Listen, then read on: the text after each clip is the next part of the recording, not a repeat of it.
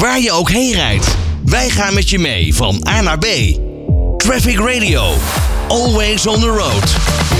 Het heeft even geduurd, maar na negen maanden is er dan eindelijk een coalitieakkoord. VVD, D66, CDA en de ChristenUnie zijn eruit gekomen. En ze hebben hun plannen voor de komende vier jaar op papier gezet. En daar staat onder andere iets over rekeningrijden in dat coalitieakkoord.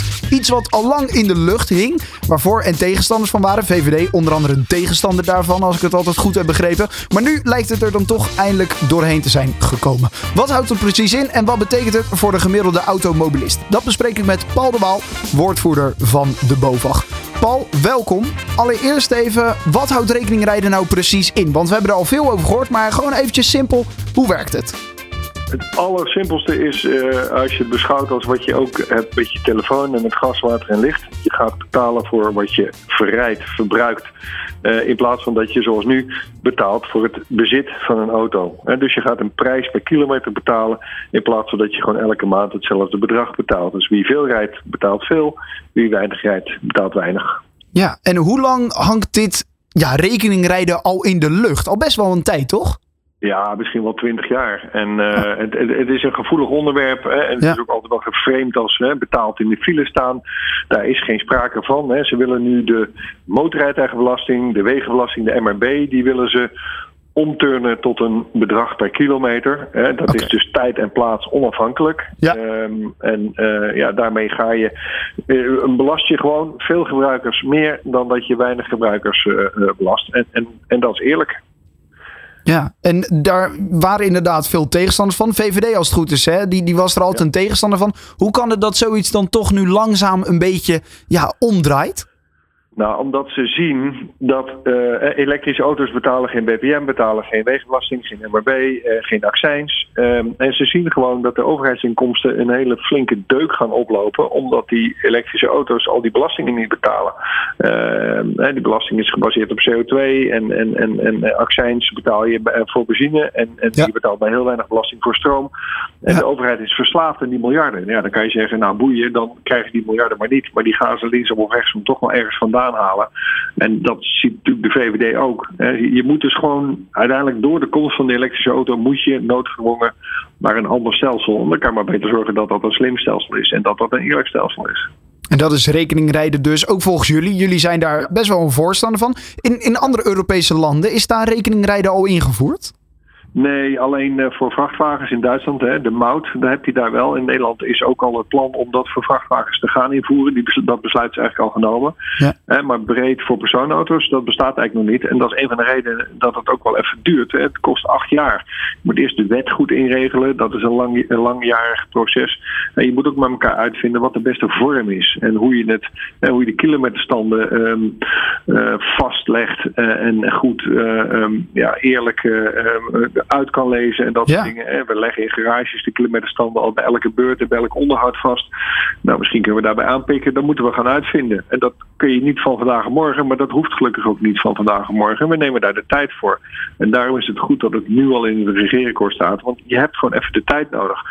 Ze noemen nu 2030 als het moment dat het ingevoerd gaat worden, dat achten wij realistisch. Ja. Oké, ja, dat, inderdaad, hoe gaan ze dat controleren? Het wordt een beetje soort uh, die gastmeterstanden die je moet do door gaan geven. Zoiets uh, kan het misschien gaan worden. Uh, of de slimme lasers die je daar nu hebt. Nou, dat zou dan misschien ook kunnen gaan komen. Duurt allemaal dus nog, hè? 2030 zeg jij. Wat zijn nou grote voordelen van het rekeningrijden? Het, het, belangrijkste voordeel is dat het eerlijk is. Iedereen betaalt volgens dezelfde normen uh, per, per, gereden kilometer. Weet je wel, wie veel doucht, die betaalt veel uh, water en, uh, en, en, gas. Ja. En wie weinig doucht, betaalt weinig. En zo is dat met rijden ook. Ja. De, de, de Nederlander rijdt gemiddeld 13.000 kilometer per jaar. de, de particulier. En die, die gaat echt gewoon minder betalen. Uh, zoals wij uh, de rekensommen nu uh, kennen. Omdat dat, okay. minder, en dat die minder dan gemiddeld rijdt. Ja, en de veelrijder gaat meer betalen. Maar ja, dat is niet meer dan fair. Oké, okay. dus jij zegt eigenlijk voor de gemiddelde automobilist is rekeningrijden iets positiefs. Ik zelf had er altijd wel een beetje angst voor. Rekeningrijden, ben ik nou een, een, een groot verbruiker van, van de wegen in Nederland of juist niet? Maar jij zegt de gemiddelde automobilist die gaat minder betalen. Ja, gemiddeld wordt er 13.000 kilometer gereden en de, en de meeste mensen rijden minder. Uh, dus die gaan dus ook minder betalen. En dus uh, als het goed is gaat de gemiddelde automobilist en de particulier die gaan erop vooruit. We hebben daar nog wel één zorg bij. Um, wij hebben altijd gezegd, dit systeem moet uh, lastenneutraal voor de automobilist voor de burger worden ingevoerd. Dat betekent dat er onderaan de streep in de schatkist geen euro extra binnen mag komen. Het mag niet een verkapte belastingverhoging zijn, want we betalen al heel veel belasting via de auto uh, in Nederland. Ja. En daar zijn we nog niet helemaal gerust op als we kijken naar hoe, uh, hoe dat uitgewerkt staat. Dus daar, uh, daar, daar, hebben we nog wel wat werk te verzetten. Want het, het kan niet zo zijn dat, dat, dat de invoeringskosten bijvoorbeeld en de exploitatiekosten ook op het bordje van de automobilist terechtkomen. Dat moet echt, dat moet je echt zien als een investering. Dus we zijn er nog niet qua lobby, maar er is wel. Eh, het taboe is eraf en er staat gewoon hard uh, zwart op wit in het uh, coalitieakkoord. En dat is, daar zijn wij wel tevreden over. Ja, zijn er toch ook nog andere nadelen? Je hebt er nu net al eentje genoemd. zijn er nog andere nadelen die ja, nog wel eventjes verwerkt moeten worden? Nou ja, kijk, in het verleden werd het geframed als uh, betaald in de file staan. Daar is geen sprake van, want het is tijd en plaats onafhankelijk. Het is kijken puur naar kilometrage en naar kilometer, kilometerteller. Ja. Uh, was ook een punt van privacy. Er wordt bijgehouden met kastjes waar je rijdt. Dat is ook niet aan de orde, want ze kijken puur naar de kilometers. Okay. Uh, dus ja, ik zie niet zoveel nadelen, anders dan dat het best complex is om het in te voeren. dus het, het, is nog, het is niet van vandaag op morgen. en daar moeten we wel goed kijken dat het, dat, dat eerlijk gebeurt en dat het haalbaar en betaalbaar blijft. En uh, iets wat nu uh, bij mij in me opkomt. Wij uh, gingen vroeger altijd met de auto op vakantie naar Frankrijk. Of naar ja. Italië, naar het Gardameer, dat soort dingetjes. Ja. Hoe werkt ja. dat dan? Want ja, die kilometers worden wel met de auto verreden, maar zijn niet op de Nederlandse wegen. Nee, maar dat, dat, dat mag van Europa. Dat heeft Financiën ook uitgezocht. We hadden diezelfde vraag.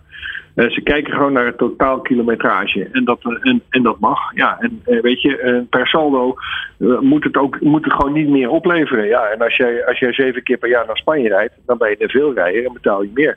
Maar als ja. je één keer per jaar naar, naar Zuid-Frankrijk rijdt, ja, dan zit dat gewoon in dat gemiddelde. En, en ben je geen veelrijder en zal je er eerder op vooruit dan op achteruit gaan. Oké. Okay. Al met al, volgens jullie dus bij de BOVAG een positieve ontwikkeling. En jullie zeggen dus ook voor de gemiddelde automobilist: rekening rijden, prima. Het gaat nog wel even duren. Ja.